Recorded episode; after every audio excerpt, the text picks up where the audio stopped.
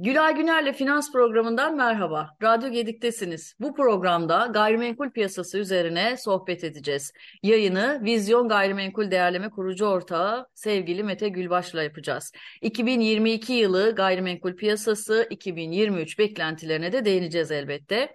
Mete uzun bir aralıktan sonra seninle program yapmak gayet güzel olacak diye düşünüyorum. Hoş geldin. Hoş bulduk. Merhabalar. Merhaba, nasılsın? Ben de çok memnun oldum. Ee, iyiyim. Çok teşekkür ederim. Yeni yıla girdik. Güzel girdik. Sağlıklı girdik. Umarım herkes sağlıklı girmiştir. İnşallah. Çok teşekkür ediyorum tekrar geldiğin için. Hemen konulara başlamak istiyorum. Müsaade edersen istatistiki verileri Tabii. paylaşırken senin de yorumlarını alarak devam etmek istiyorum. Tabii Senin ki. aktarmak istediğin bir şey olursa elbette mikrofon senin olacak.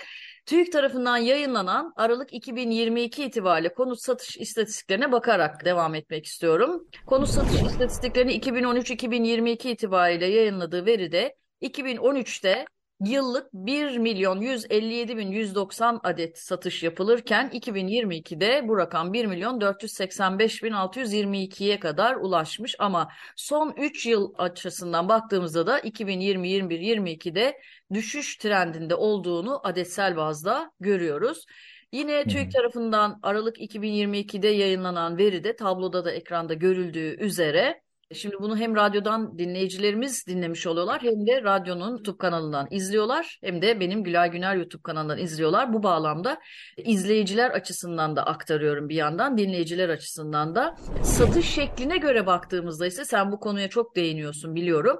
İpotekli satışlarda bir düşüş görüyoruz. 2022 yılında 280 bin adet olmuş. 2021'de bu rakam 294 binmiş. İlk el satışlar ve ikinci el satışlar açısından baktığımızda da 2022'de 460 bin olan rakam aslında 2021'de 461 bin adetmiş. Buna yüzdesel olarak baktığımızda tabii bazen nominal veriler çok yeterli bir sonuç yaratmıyorlar bize. 2021'de ipotekli satış adedinin toplam satış adedine oranı %19.8 iken 2022'de bu oran %18.8'e düşmüş. Bu da kredi mekanizmasındaki sınırlı da olsa daralmayı gösteriyor diye düşünüyorum. Ayrıca sıfır ve ikinci el satışlar açısından bakıldığında da genel olarak her iki yılda da aynı şeyi gösteriyor veriler. İpotekli satışlarda adet bazında e, satışın düşüşü ve ikinci el konut satışının %70'lik yüksek payını sen nasıl yorumlamak istersin bize? Öncelikle konut satışına baktığımızda hani 2013-2022 verilerine baktığımızda son Evet. 3 yıldaki artışın böyle 1,5 milyon civarında olduğunu görüyoruz. E, Bir önceki yıllarda da bir 2019-2018'de krizle beraber düştüğünü görüyoruz. 1.350 civarına, 1.350 bin civarına. Ama son 3 yılı baz aldığımızda biz e, en yakın trend olarak 1.5 milyon bandında bir konut satışını görüyoruz. Tabii bunlar içerisinde aslında geriye dönüp baktığımızda ipotek satışlara biz tabii biraz da, e, önem veriyoruz ve birinci el ve ikinci el satışlara önem, ona bakıyoruz. Burada bizim için en önemli şey 2019'dan öncesine baktığımızda ipotek satışlarda 2014'te örneğin Hı, e, %32, 2015'te %28, 2016'da %38.6 ipotek satışların toplam satış oranından bahsediyoruz. evet. E, 2017'de %28.9, 2018'de krizi hatırlarsınız. O zaman %20'ye düşmüş. 2019'a 24, 2020'deki bir kampanya vardı kamu bankalarının Haziran ayında Haziran'dan açılmıştı. sonra Hı hı. Haziran ayında yapılan bir kampanya ki Cumhuriyet tarihinin en büyük konut kampanyasıydı. Orada %38'e çıktığını görüyoruz. hı. Hı. Ama sonraki süreçte 2021-22'de ise demin dediğiniz gibi %19.8-21, %18.9'da 2022'deki oranları görüyoruz. Yani biz aslında şunu vermiş oluyor. Evet dediğiniz gibi e, kredi mekanizmasının, e, finansmanın e, krediye ulaşmadaki zorluklar var. E, dövize göre artışlar var maliyetlerdeki. Ve işte bankaların ve BDDK'nın almış olduğu kısıtlamalar vardı ki 2022 yılında da BDDK e, %40, 45, %50 civarında bir e, finansman sağladı. Ve bu finansmanda bankalara bir sınırlama koydu. Bu sınırlama yaparken de hatta konutların enerji kimlik belgesine kadar A, B, C enerji kimlik belgesinde olursa A olursa %50'si, B olursa %45'i, C olursa %40'ı gibi ve 2 milyona kadar bir sınır da koymuştu. Ama bunu gördük ki e, kamu bankaları ve diğer bankalarda özellikle konu gerçekten krediye ulaşmanın çok zor olduğunu, bugün 2 milyonluk bir krediye başvurduğunuzda size 500 bin lira maksimum bir kredi çıktığını bankalardan, başvurulardan duyduğumuz kadarıyla. Bu da tabii finansmana ulaşmanın zorluğu beraberinde e, ilk el satışlarında az olmasına sebebiyet veriyor. İlk el satışların bir de bu e, demin tabii gö göstereceğiz, e, istatistiklerde görmüş olacağız. İlk el satışlardaki oran da %30'a %70 civarında. Evet. Yani birinci el sıfır konutlardaki satışlar %30, ikinci el konutlardaki satışlar %70 civarında. Biraz daha geriye gittiğimizde hani 2018'de 2020 döneminde ise bunun %50'lere yaklaştığını görüyoruz. Ama iki, son 3 yıla baktığımızda ise 2020, 2021, 2022 verene baktığımızda ilk ellerin %30, ikinci ellerin %70 olduğunu görüyoruz. Buradaki en büyük etkenin de şuna bağlıyoruz aslında. Yani bu veriler bize şunu veriyor. Hı hı. Ee, Türkiye'de yeni yapı ruhsatı ve yapı kullanma izin belgesi alan konut sayısının az olmasından kaynaklanıyor. Son verilere baktığımızda 2021'de 626.900 adet Türkiye'de konuta yapı kullanma izin belgesi verilirken 2021'de Ocak-Eylül dönemi içerisinde 418 bin, 2022'de de 442 bin civarında bir yapı kullanma izin belgesi verilmiş. Aslında yapı kullanma izin belgesi demek bir sıfır inşaatın bitmesi demek. Mete burada Türkiye'de inşaat sıfır, maliyetlerinin yükselmesinin de bir olumsuz etkisi olabilir mi ilkel e, evet, konutların arzındaki azalışta? evet tabii dövizdeki artış inşaat maliyetindeki artışa e, artmasına sebebiyet verdi. Bu e, halen devam ediyor ve yüksek maliyetle başlanan inşaatlar maalesef tamamlanamıyor şu anda. Hı hı. Ve e, dövizdeki bu artış sebebiyle inşaatların tamamlanmamış olması ve bir yandan da bu tamamlanmış inşaatlara finansmanın e, kısıtlı olması, Evet. kredi ulaşmanın zorluğu da dikkat aldığımızda aslında sıfır konut üretemiyor müteahhitler. Hı hı.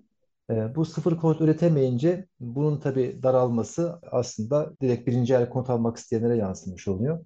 Hükümet son dönemde biliyorsunuz bir tekrar bir kampanya başlattı. Evet. Bu kampanyayla birlikte bunun artması bekleniyor ama mevcut stokları aslında eritmek için yapılan bir çalışma. Biz ikinci el konutun da aslında 2023'teki oranının konut arzının düşük olunması sebebiyle biraz daha düşüre ben düşünüyorum. Hı %30'lar demin demiştik biz e, hı. ilk hı. el konutun. Ama 2023'te hem artan dövize bağlı inşaat maliyeti artış, bu maliyetlerin konuttaki satışa etkisini düşündüğümüzde mecbur arttırıyor. Hani geleceğiz o konulara. Konut fiyatları düşer mi? Hı hı. E, tabii bu maliyetleri nasıl düşsün? Çok düşeni düşünemiyorum ben e, konut fiyatlarının. Çünkü biz inşaatları olduğu yerde aslında dönüştürüyoruz. Yani kentsel dönüşüm e, Evet. adı altında mevcutta ve en pahalı arsaların olduğu yerde, en ucuz maliyet değil de arsanın en e, yüksek olduğu yerlerde biz dönüşüm yaparsak, e, bir de buradaki tabii konut fiyatlarının, konut maliyetlerinin yüksek olduğunu dikkate alırsak Arsa fiyatı yüksek, inşaat maliyeti yüksek. Haliyle konutun ve yapının maliyeti yüksek olacaktır. Bu nedenle ve inşaat ruhsatındaki zaten gelinen noktada otopark yönetmeliği de çıktı son dönemlerde. Bu otopark yönetmeliğinde her parselin kendi içinde otoparkını yapma zorunluluğu çıktıktan sonra e, maliyetler bir tık daha artmış oldu. Ne yapacaksınız? Bir bodrum daha yapacaksınız. Ona rampa girişi vereceksiniz. Bu da aslında yeni konutun üretilmesini azaltan etkenler arasında şunu söylüyoruz özetle. Biz birinci el konutların ve e, istatistikte görmüş olduğumuz ipotek satışların az olmasının nedeni bir inşaat maliyetlerindeki artış dövize bağlı olarak. İkinci sebep de finansmana aslında ulaşmanın zorluğu diyebiliriz. Peki tabii e, ana amacımız bu konuları bütün bu istatistiksel veriler açısından da değerlendirirken konut fiyatları başta olmak üzere tabii diğer ticari işletmeler için de geçerli bu ama aslında fiyatları yükselten etkenleri de bir yandan konuşuyor oluyoruz. Bu bağlamda çok gündem olduğu için bu yabancılara satış konusuna da değinmek istiyorum. Yine TÜİK'in vermiş olduğu bir istatistik üzerinden 2013 ile 2022 arasında yabancılara konut satışında 12 bin adetten 67-68 bin adete kadar yükselmiş görünüyor.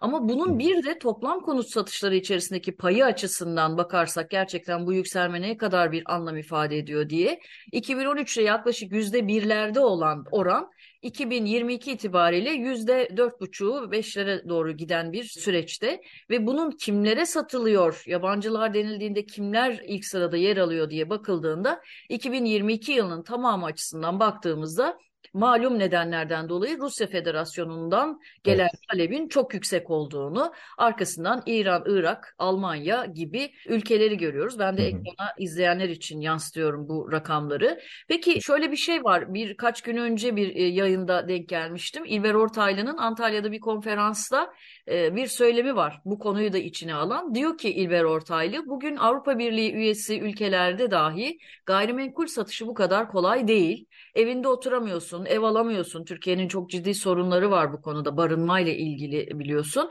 Korkunç bir ülke haline geldik diyor. Urfa'da arazi alıyor yabancılar diyor. Böyle bir enayilik olur mu diye. Bu e, İlber Ortaylı'nın kendi sözleri tabii. Sen diyor orayı Evet. sulamak için iki nesil enflasyonla yaşamışsın. Keban Barajı, Atatürk Barajı'nı yapacağım diye yani halka bu anlamda bir maliyet yüklemişsin. Onlar da diyor gelip buradaki değerli arazileri beleşe alıyorlar. Biz hala enflasyonun sorunlarını çekmeye devam ediyoruz diyor. E, ciddi bir eleştiri yüklüyor bu konuda. Bir yandan da şunu da hemen e, aktararak sana soruya gelmek istiyorum. Ekrana Hakan Kara var biliyorsun Profesör Doktor e, Evet. Evet. Bilkent Takip Üniversitesi'nden bu konulara çok çok ciddi değiniyor. E, onun göstermiş olduğu birkaç grafiği ekrana yansıtıyorum bir yandan. 2021 ve 22 dataları üzerinden hazırladığı konut fiyat artışı ve enflasyon üzerindeki etkiye bakarak gösteriyor. İkisi birbirini nasıl takip ediyor şeklinde. Hı hı. Bir de işte bu yabancılara konut satışı tarafındaki artışı dikkate alarak diyor ki 2021 ve sonunda özellikle izlenen ekonomi politikalarının nedeni olarak da gösteriyor. Konut fiyatlarındaki bu artışın, e, enflasyonun etkilerini. Şimdi sen bize nasıl aktarmak istersin? Gayrimenkul fiyatları bu kadar yükselirken, hatta alınamaz hale gelmişken, e, gayrimenkul getiri süreleri de bir başka çığır açtı galiba, değil mi? E, neler Evet. aktarmak istersin bize bu konuda? Öncelikle yabancı satışının gayrimenkule etkisi yok diyemeyiz.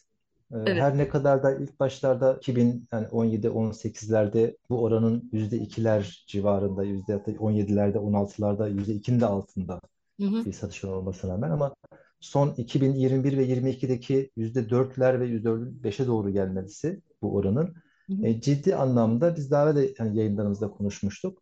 Bir domino etkisi yaratıyor. Özellikle belli illerde işte Antalya, İstanbul, işte Karadeniz bölgesindeki, Aks'taki ve e, Evet. Ege'deki e, bölgedeki illerde, büyük şehirlerde bunun daha çok etkisini görüyoruz. E bu yine belli bir domino etkisi yaratarak tabii içeri doğru da gidiyor. E, bir yandan da tabii inşaat maliyetlerindeki artışın ve kentsel dönüşümlerin hani merkezi yerde pahalı arsalarda olması da bu fiyatları arttırıyor. Ama yabancılar artık her yere saldırmış vaziyette e, vatandaşlık alabilmek için. 250 bin dolar olan yabancı satışın e, miktarı 400 bin dolara çıktı. Bir nebze e, durduğunu görüyoruz zaten. Hani %4'lerdeyken 2021'de 2022'de 4,5 olmuş.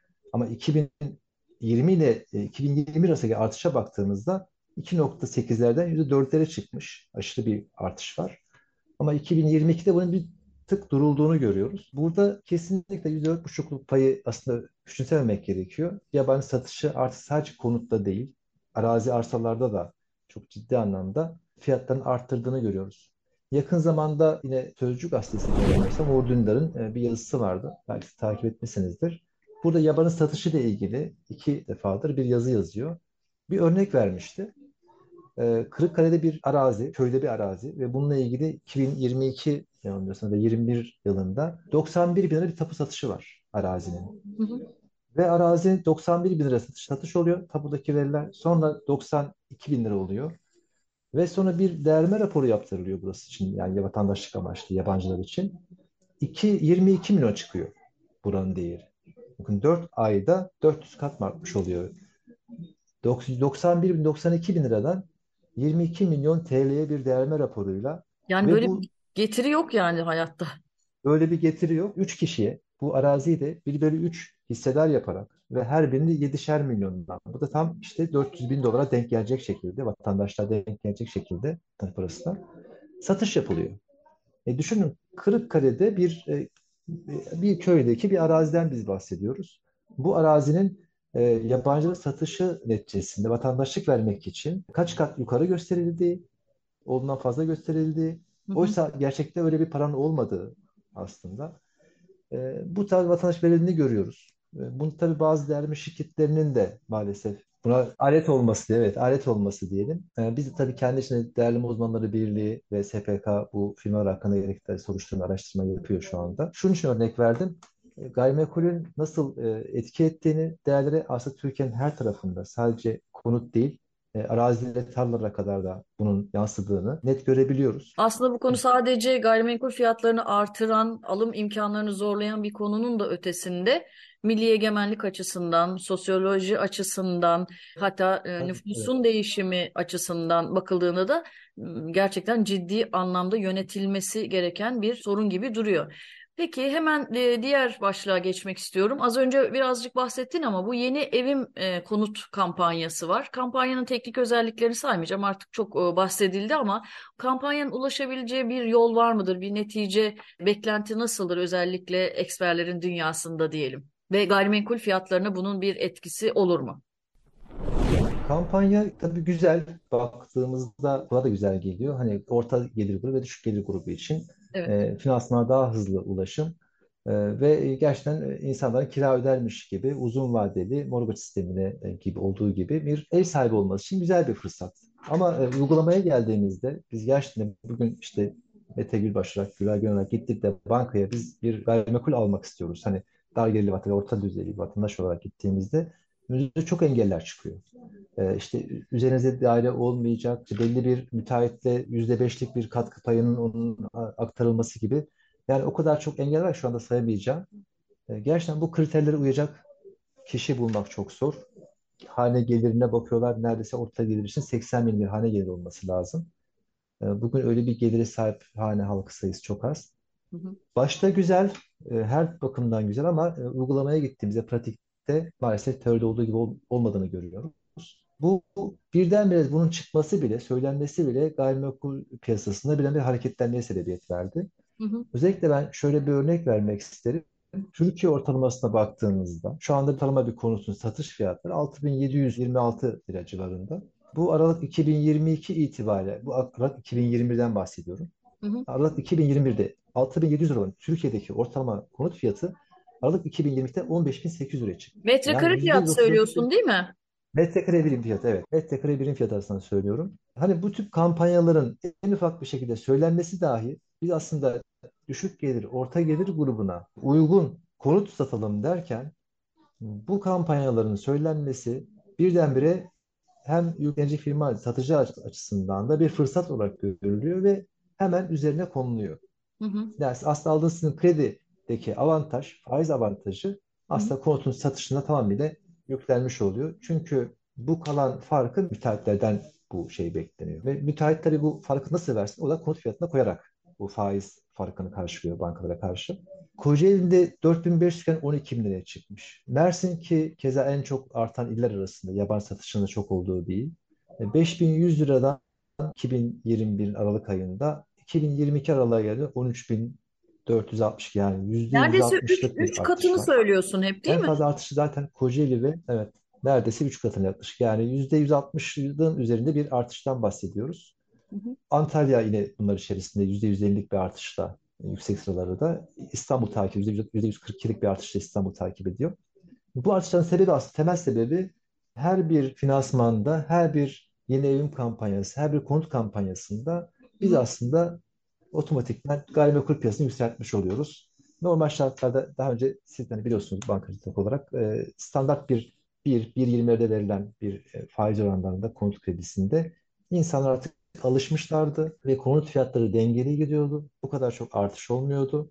2020 Haziran'dan başlayan bu konut artışı kampanyayla beraber tekrardan hükümet tarafından şimdi 2023 Ocak'ta bir kampanyayla birlikte konut fiyatlarını tam düşüreyim derken işte BDDK'nın almış olduğu kararlar, bankaların almış olduğu kararlar, faizlerin yüksek olması, hatta düşük bile olsa krediye ulaşmadaki zorluklar enerji sınıfına kadar indirilmiş ve tam gayrimenkul fiyatları artış hızı durmuşken birdenbire biz tekrar gayrimenkul fiyatını yükseltmeye çalışıyoruz. Yani ben bunu anlamış değilim. Nasıl bu kampanyanın sonuçları bu kadar çok düşünülmüyor? E, bu artması demek tabii Ne oluyor? Benim gayrimenkul fiyatı arttı, kira da artıyor beraberinde.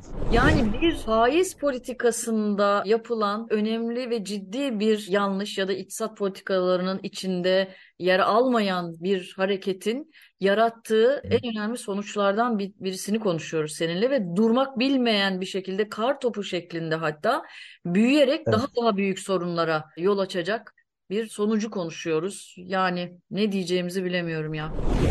Yine bir hareket getirecek tabii bu hani kampanya. Çünkü çok e, ciddi bir e, faiz oranı. Evet yani gerçekten de düşük gelir grubu, orta gelir grubu için e, bulunmaz bir fırsat. Umarım Ama faydası da dokunur. ama buradan şeyi O- soracağım sana işin bir de geri dönüş süresini. Geri dönüş sürelerinin de uzamış olması gerçekten bu fiyatlara alımın doğru olup olmadığı sorusunu da getiriyor, öyle değil mi? Evet çok doğru. Zaten ilerleyen dönemlerde bu artan fiyatlarla konut satışlarındaki artışın ivmesini de kaybetmesini ben bekliyorum açıkçası. Hı hı. E, bir müddet daha seçime kadar e, konut satışına bir hareketlenme olur. Artış kısmen daha devam eder. Ancak e, seçimden sonra bu ivmenin ben düşeceğini düşünüyorum. Peki bir başka bir başka merak edilen soru da 2023 Cumhurbaşkanlığı programında var. E, tapu satışlarında ekspertiz raporunun zorunluluğu konusu. Bu ne zaman devreye girecek ya da devreye girdiğinde bunun bir e, olumlu etkisi olur mu acaba? E, 2019 yanılmıyorsam ilk e, kanun tasarısı çıkmıştı. Bununla ilgili Cumhurbaşkanlığı kararnamesi ilk 100 günlük bir program vardı hatırlarsınız. Evet. o, bu program çerçevesinde kayıt dışı ekonomiyle ilgili tabii en çok kayıt dışı ekonomi olduğu yer gayrimenkul satışları. Bunun önüne geçmek amacıyla yapılmış bir program. Önce bir taşınmaz dairesi başkanlığı kuruldu. Çevre Şehircilik Bakanlığı'nın bünyesinde, Tapu Kadastro Genel Müdürlüğü'nün içerisinde taşınmaz daire başkanlığı kuruldu ve Taşınmaz Daire Başkanlığı da bütün değerleme kuruluşları üzerinden Türkiye genelinde e, bireysel tekil değerleme raporlarıyla her bir değer, satışa değerleme raporu zorunluluğu koyarak nasıl araçlarda var ya şu anda? Evet. araçlarda e, alım satımında bir ekspert zorunluluğu var. Evet. Gayrimenkulde böyle bir zorunluluk getirilerek aslında kayıt dışı ekonominin önüne geçilmeye çalışıldı. Ve bu meclise geldi. Ve mecliste bütün partilerce oy birliğiyle reddedildi. Tam çıkacakken Sonrasında her sene Cumhurbaşkanı programı olması sebebiyle e, her yıl açıklanan Ocak ayında programa alınıyor. Hı. 2023 yılında da bu programa alındı. Hatta bazı gazetelerde ve internet sitelerinde, e, sosyal medyada sanki çıkmış gibi algılandı. Böyle bir şey yok. Henüz çıkmadı bu durum. Ekspertiz zorunlu. Bunun bir altyapısının olması gerekiyor. Öncelikle e, harçlar çok yüksek. %4 bir harç var. Evet. Eğer siz bugün örneğin 2 milyonluk bir konutu belediyedeki vergi değerine göre 500 bin liraya gösteriyorsanız bu konutun biz e, yeni dönemde eğer ekspertiz zorunluluğu çıkarsa e, bu sefer 2 milyon göstermek zorunda kalacağız. 500 bin liranın 20 bin lirayı harcı. E, 2 milyon liranın bu sefer 80 bin lira çıkmış olacak. Yani bunu tabii hem vatandaş istemiyor hem de müteahhit de istemiyor. Sonraki vergisi açısından da bir istenmeyen durum oluyor değil mi? Ne kadar yüksekten satın alırsan sonraki e, Evet. gelir vergisi açısından da başka sıkıntılar yaratıyor. Müteahhit lobisi çok güçlü bizde. Müteahhit lobisi bunun da önünü zaten kapatıyor. Evet. Aynı zamanda Maliye Bakanı Nebati'nin de bu konuda bir beyanatı olmuştu. Raiç bedellerle ilgili. Bu konuda elimizde çok ciddi veriler var. Buna değineceğiz ve bu konuyu halledeceğiz demişti ama senin söylediğin gibi demek ki meclisteki güçlü lobiler bu konuyu Evet. e, engelliyor. Aslında daha sağlıklı yürümesi gereken bir konu diyebiliriz, değil mi? Gelir Gelir İdaresi Başkanlığı'nın bir e, 2022'nin sonunda bir toplantısı vardı. Hatta biz de sektör paydaşları olarak gitmiştik. De bir adıma gitmiştik. E, temsil ettik. Burada da kayıt dışı ekonomiyle ilgili önerilerimizi götürdük. Özellikle hani taşınmaz e, değerlemesi konusunda ekspertiz zorunluluğuyla bu hükümetin aslında vergi kaybının azalacağını ve ciddi anlamda hazineye bir gelir olacağını e, böylece gerçekçi bir değer haritaları oluşmasını, aslında Türkiye'de bir değer haritası oluşursa bir yıl içerisinde gayrimenkul değerleme kuruluşları üzerinden tapu satışlarının Türkiye'deki en azından yüzde onluk bir dilim bile biz değerlemiş olsak, bir değer haritası oluşturmuş olsak, bir sonraki yıl için o değer haritaları üzerinden zaten satışlar olacak. O bölgedeki bakılacak birim fiyatlar veya gayrimenkul fiyatları 2 milyon üzerinde, 2, 2,5 arası. Buraya 3 milyonluk bir rapor gelmeyecek örneğin. Ya da geldiğinde bunun tekil değerlemesi istenecek. Burada bir gariplik var demek yani şeyi aşmış durumda, marjı aşmış durumda. Bu yapıldığı takdirde, Türkiye'nin değer haritaları oluştuğu takdirde biz kayıt dışı ekonominin önüne geçeceğini düşünüyoruz. E, ve bunun en sağlıklı da e, bağımsız SPK'ya bağlı değerleme kuruluşlarınca, uzmanlarca yapılması gerektiğini düşünüyoruz. Bu konuda teklifimizi, önerimizi değerleme uzmanı bilgi olarak da e, ilettik. ve Hazine Bakanlığı'na. Umarım bir sonuç elde edilir 2023 yılında ama ben yine seçime kadar dediğim gibi bu da bir seçim yatırımı olduğunu düşünüyorum. Bu hangi hükümet olursa olsun bunu kolay kolay çıkaracağını düşünemiyorum. Çünkü müteahhit lobisi çok güçlü. E, eğer bunların artması halinde, gerçekçi fiyatların olması halinde e, müteahhitler çok ciddi bir harç verecekler ve KDV ödeyecekler. Gerçekçi fiyat üzerine fatura kesmek zorunda kalacaklar. E, o fiyat üzerine %4 üzerinden de bir harç ödeyecekler. E, Tapu Kadastro Genel Müdürü Zeki Bey'le de görüşme yaptığımızda da kendisine ilettik bu durumu. Dedik ki en azından bir harçların düşürülmesi ilk etapta. %4'lük harçların düşürülmesi. E, böylece daha teşvik edilmesi en azından mağdur edilmemesi. Çünkü vatandaş da mağdur oluyor burada. Onlar tabii bunların hepsinin olgunlaştığını ancak tabii nihayetinde kararı e, siyasi iradenin vereceğini. E, ama her şey Tapu Kadastro Müdürü hazır e, bu konuda. Bakalım inşallah olur diyoruz. Yani bu Çok güzel, çok kıymetli bir çalışma. çünkü e, mesela Avrupa'da Almanya'da düşünün e, İkinci Dünya Savaşı'ndan sonra 1945-50 arasında Almanya'da e, gayrimenkul değer haritaları oluşuyor. Almanya'nın tamamında siz e, hangi yerde, hangi arazinin, hangi konutun değerini bilebiliyorsunuz. Ve onun üzerinden emlak vergileri almaya başlıyor. Fiyat Halen bu artışları da yapılmış. fiyat artışları da daha kontrol edilebilir boyutta oluyor. Yani e, şerefiye öyle kendi başına artmıyor. Hani gerçekten bir değer artışı yaratacak bir şey Evet, olduysa bir şerefiye olabilir. Ya da e, enflasyon neyse bunun üzerinde bir e, konut fiyat artışı olmalı. Herhangi bir mal gibi. Ama işte bizim gibi ülkelerde siyasette bu tür şeyler tabii çok alet oluyor. e, önüne Siyasi bakış açısı hep kısa dönemli düşündüğü için işte seçimden seçime de düşünüldüğü için Evet, Yıllar yılı evet. bizde böyle devam ediyor. Bir tane grafik vardı sana göndermiştim galiba onu. SPK bir baş uzmanı var. Çok kendisini tanımıyorum ama Twitter'da görmüştüm. Yener Coşkun'un paylaştığı bir şeydi. Hı hı, hı Amerika'da tanıyorum. farklı kuşakların ta 1945 öncesinden beri farklı kuşakların konut harcamasının gelire oranını e, gösteren bir grafik paylaşmış. Üçte bir oranını çok saptırmıyor. Yani gelirinizin yüzde otuzu kadar konuta harcama yapıyorsunuz. Yani bu 1945'te de böyle, 2022'de de böyle. Yani bu tür şeylerin biraz rayına oturması lazım. Tabii böyle her türlü ekonominin değişen koşullarında bu kadar değişmemesi lazım. Getiri Olmaz. süresi vardı. Onu atladık biz Hülya Hanım. Konutların getiri süresi Aa, evet demiştik evet. ya.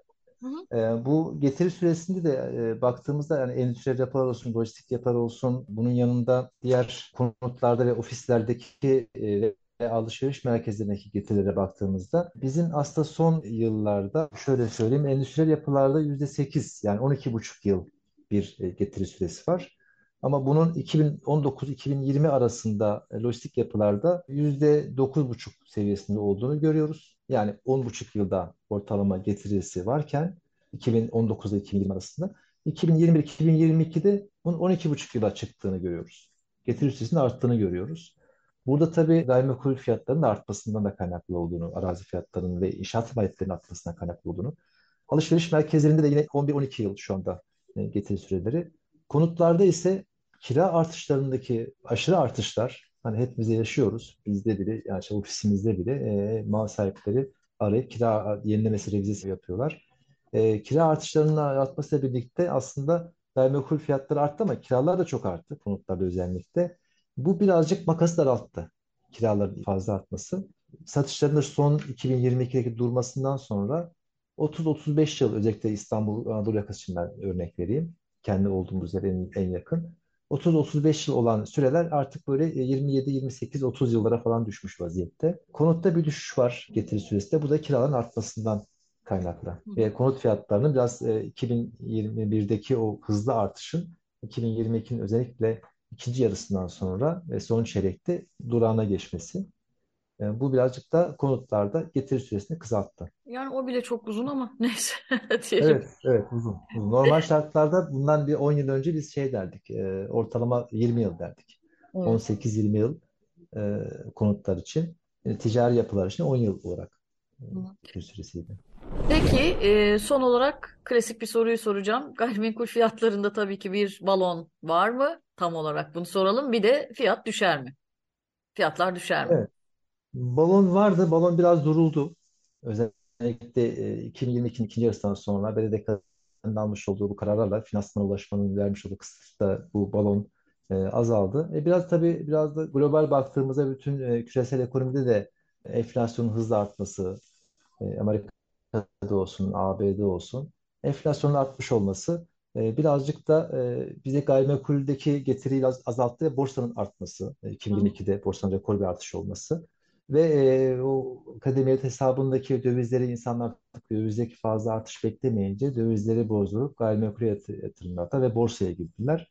Tek e, iki tane şey enstrüman kaldı. Borsa ve gayrimenkul kaldı. Bu da tabii gayrimenkul fiyatlarını, biraz köreltti. Dizginleri daha doğrusu artışı en azından durdurdu. Düşürmese bile.